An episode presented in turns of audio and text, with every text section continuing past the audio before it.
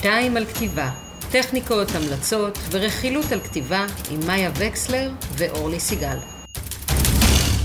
15 דקות על כתיבה, כי אתן ממהרות ואנחנו לא אוהבות לחפור. נניח.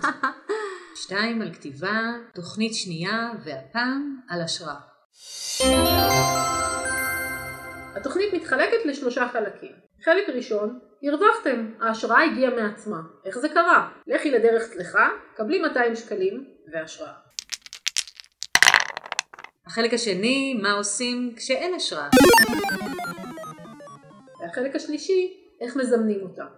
נארח שתי אורחות נפלאות שידברו על השראה.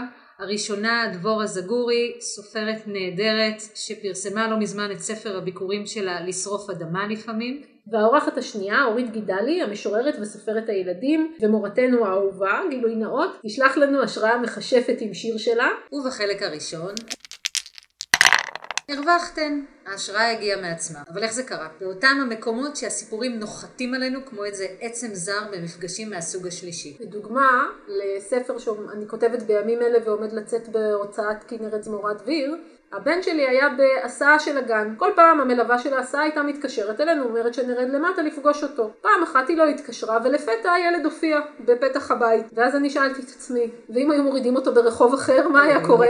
ופחד, כידוע לכם, הוא השראה מצוינת. השני, סיפור הקפאין, אני רגישה לקפאין, ישבתי במסעדה והזמנתי נטול, קיבלתי בטעות קפה עם קפאין. התעלפתי, הדבר הבא שקרה זה שהתעוררתי ומעליי היה גבר גדול במדי שף מחזיק לי את היד ובודק את הדופק.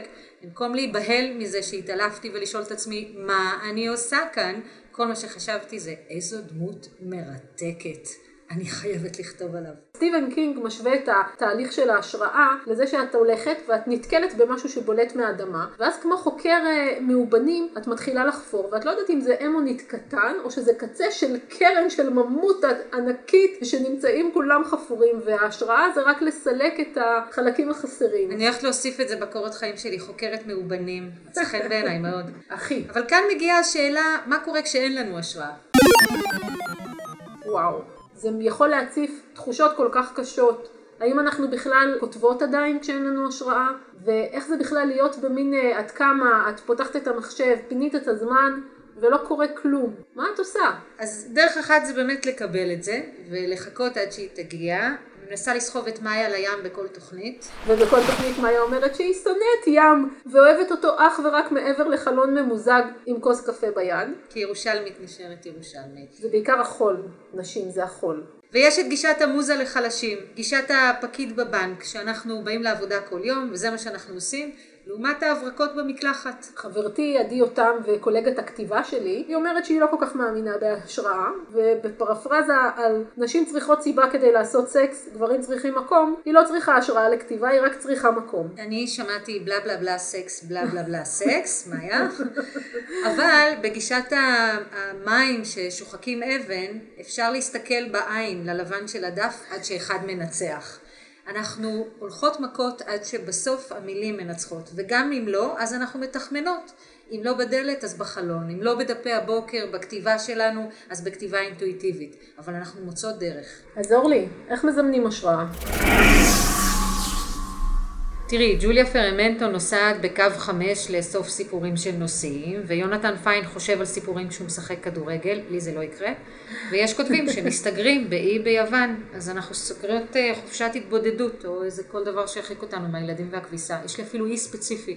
רות עפרוני נוסעת לבתי קברות ללוויות של מישהו זר, אולי לא מומלץ. אני עובדת בלשכה לסטטיסטיקה בתור סוקרת, ושם לפעמים מספיק השם של הבן אדם שאני מתקשרת אליו, או העובדה שהוא חי עם עוד 17 נפשות בדירה של שלושה חדרים, זה כבר מעורר בי הרבה השראה וסקרנות. אז אני למשל מאוד עסוקה ביחסי הגומלין בין כתיבה לפנים אחרים של יצירה, למשל תנועה, גוף ומחול, ולכן ממליצה לכם על השיחה המצוינת של ניקול קראוס עם אוהד נהרין, שתופיע כמובן בדף הפייסבוק שלנו שתיים על כתיבה, אם תרצו לראות ואולי לרקוד בעצמכם.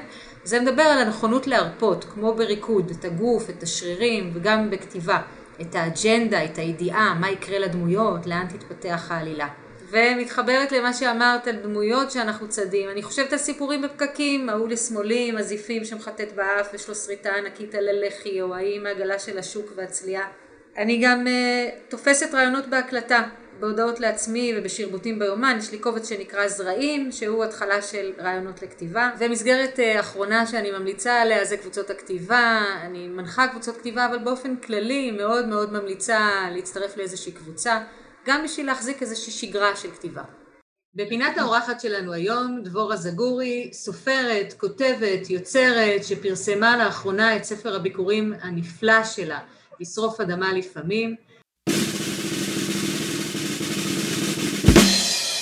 וגם גילוי נאות, דבורה המקסימה היא חברה של מאיה ושלי עוד מימי סדנאות הבית העליזים. מה נותן לך השראה, דבורה? ספרי לנו. דברים שאני מרגישה שמאוד מעסיקים אותי בפנים, ואני משתדלת uh, להתעלם מהם. ולהגיד לא רוצה, לא רוצה לחשוב עליכם, ולא רוצה לדבר עליכם, הם לא מקשיבים לי, וממשיכים ממש להעסיק אותי ולהציק לי, ואני מבינה שהם הדבר שאני צריכה לכתוב עליו. על זה לא דיברנו, דברים שמעצבנים. את יכולה להגיד כמה מילים על הספר ואיך זה מתמצא בו. ספר uh, לשרוף אדמה לפעמים מספר, uh, מקפל בתוכו הרבה עיסוק בפחד, הרבה עיסוק במה שקרה שאתה מפחד שהוא יחזור על עצמו ויקרה שוב, והרבה עיסוק בלבנות חיים מסביב לאפשרויות שקורות בחיים. בפינת העצה הטובה, דבורה. לכותבת שמחפשת השראה. יש שני דברים. אני הייתי מחלקת את זה להשראה פנימית ולהשראה חיצונית. השראה פנימית זה להקשיב לבאמת מה שמעניין אותך ומה שקרוב אלייך, ולא לחפש דברים שהם אה, אה, רחוקים ואו נשמעים טוב, או, או נראה לך שילך היום. אם זה קשור אלייך, וזה כנראה קשור לעוד נשים או אנשים, אז זה ילך היום, כי את הולכת היום. אמ, זה השראה פנימית. השראה חיצונית, לא לחפש אותה, זאת אומרת לא לשבת לכתוב רק בזמן של השראה, אלא לעבור, זה טוב לרומנטיקה בהתחלה, אבל אה, כמו קשר מתמשך אה, צריך לעבוד אחר כך במקומות שהם לא, לאו דווקא רק רומנטיים, כי באמת כתיבה ארוכה זה קשר מתמשך, זה לא רק אה, אה, רומן קצר. זה קשר מתמשך, הוא כל כך מתמשך, אף אחת לא מדמיינת כמה שזה קשר מתמשך כשהיא מתחילה את הקשר הזה עם ספר. נכון. הרבה, הרבה ניסויים נגמרים בזמן שאת עוד עם הקשר המתמשך שלך. מטפחת. וצריך לעבוד גם במקומות שאין בהם השראה, יש בהם עבודה ויש בהם מלאכה ויש בהם התמסרות ויש בהם uh, קצת חובה, החובה שלי לעצמי, המחויבות שלי למי שאני רוצה שיהיו הקוראים, uh, ולא רק לשבת ולחכות מתי תזרח השמש מתחת לעץ, ואז יהיה לי השראה, ומתי בבית קפה אני אשמע סיפור מגניב. צריך לכתת רגליים, וצריך לחפש, וצריך לעשות תחקירים. פינת העצה הרעה, דבורה. מה לא לעשות בשביל השראה? אז... לא לשבת ולחכות לה. ולא לחשוב ש... את יודעת מה יותר מזה? יודעות מה? אה, לא לחשוב שהיא באה בצורה מסוימת. זאת אומרת, בית קפה זה אומר מקום להשראה. שעה פנויה שיש לי בים זה אומר מקום להשראה. כי א', זה יכול מאוד לאכזב, אני יכולה לשבת בים בוקר שלם שהקדשתי ואין לי שום השראה, רק בא לי לאכול גלידה, או, או לא בא לי כלום, לא בא לי כלום לראש, ואז כאילו זה אכזבה. וגם הצד השני של זה, זה שאפשר לפספס את ההשראה האמיתית כשהיא מגיעה, היא מגיעה כאילו, לא יודעת, פתאום את הולכת עם איזה אה, סל כבד באוטובוס, עוד עושים את זה? סל כבד באוטובוס? בהחלט, ו... מצרכים ואין לך אוטובוס. בדיוק, והכל מזיע, ו- ואת נורא מאחרת לאנשהו, ודרכו עלייך, ו- ואת אומרת, איזה מעצבן, ופתאום את אומרת, וואי, אולי זה מצית לי משהו. אז אפשר לפספס את ההשראה אם יושבים לחכות לה, ואפשר להתאכזב ולהרגיש שהתבזבזנו אם היא חיכינו לה והיא לא מגיעה. תודה, תודה, דבורה, איזה כיף, הבאתי איתך את ההשראה. תודה לכם. בפינת ההמלצה. ובפינת ההמלצה נמצאת איתנו אורית גידלי, סופרת ילדים, משוררת ומנהלת שותפה של סדנאות הבית, בית הספר לכתיבה. אורית, תני לנו שיר מכשף על השראה. אמ, אני, אני חייבת להגיד שאני מופתעת מהמילה השראה. אה, זה יפה שאני לא מופתעת מהמילה מכשף. מהמילה שיר את מופתעת? אבל uh, אני אקרא לכם שיר אהבה. אני חושבת ש, שיש משהו בחיים עצמם ובחיכוך איתם בטוב וברע שהוא מאוד מאוד מחולל כתיבה, אה, כמו גם מחולל נתינות וחולשה, שזה תנאי הכרחי להשראה. אז נראה לי שבאופן עקיף ניפגש באמצע המערה החשוכה הזאת. הנה זה בא. נהר.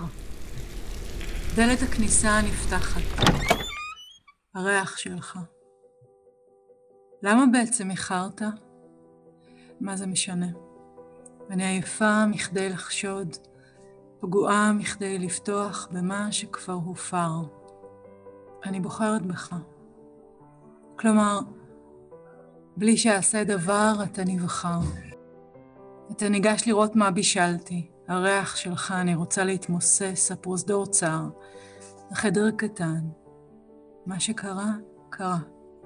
הכתפיים שלך, הריח שלך, הסדינים הנקיים שלנו. לרגע שוב, בלי שאעשה דבר. אני טובלת איתך שוב באותו נהר, אפילו שאין נהר. אנחנו נמאסנו כאן. זה עושה לי חשק אה, לחזור לפסנתר ולעשות את מה שלא עשיתי מעולם, וזה להלחין שיר. התמוגגנו איתך. תודה רבה, זה היה שיר ממש ממש מקסים. מחכה לפגוש אתכם במערות חשוכות של השראה. במהרה בימינו. ומי ייתן ועוד ועוד רגעים כאלה, כמו הרגעים שאתם מזמנות, ייצרו מין אה, מרחבים שבתוכם יכול, יכול להתחולל מגע נפש בנפש ו, והפתעות ש, שתחילתן בנתינות.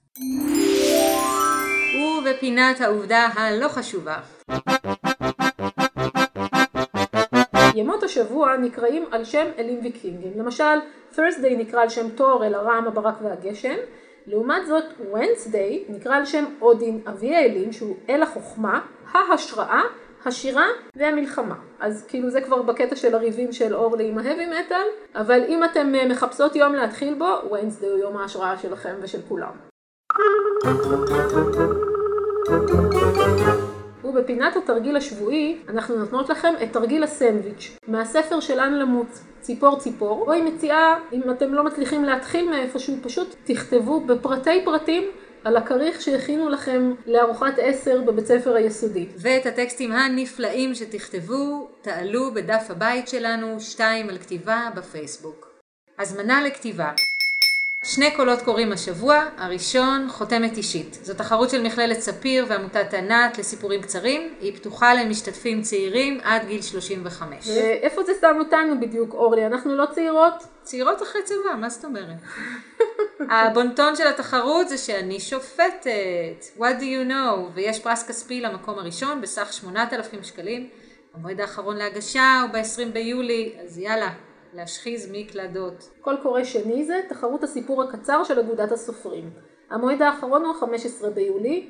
את הפרטים על התחרויות אתם יכולים למצוא בדף הפייסבוק שלנו, שתיים על כתיבה. או בדף הפייסבוק קולות קוראים לכתיבה. ואם שלל עצות ההשראה לא הספיקו, אתן מוזמנים ומוזמנות להצטרף לקבוצת הכותבים שלי בפייסבוק, סופרים בקרוב, קהילת הכתיבה של אורלי סיגל. אז אנחנו נשמח לקרוא את הטקסטים שלכם בנושא השראה בדף הפייסבוק של התוכנית.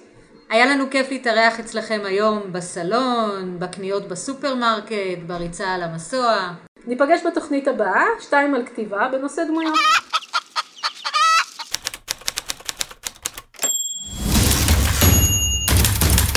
שתיים על כתיבה, טכניקות, המלצות ורכילות על כתיבה עם מאיה וקסלר ואורלי סיגל.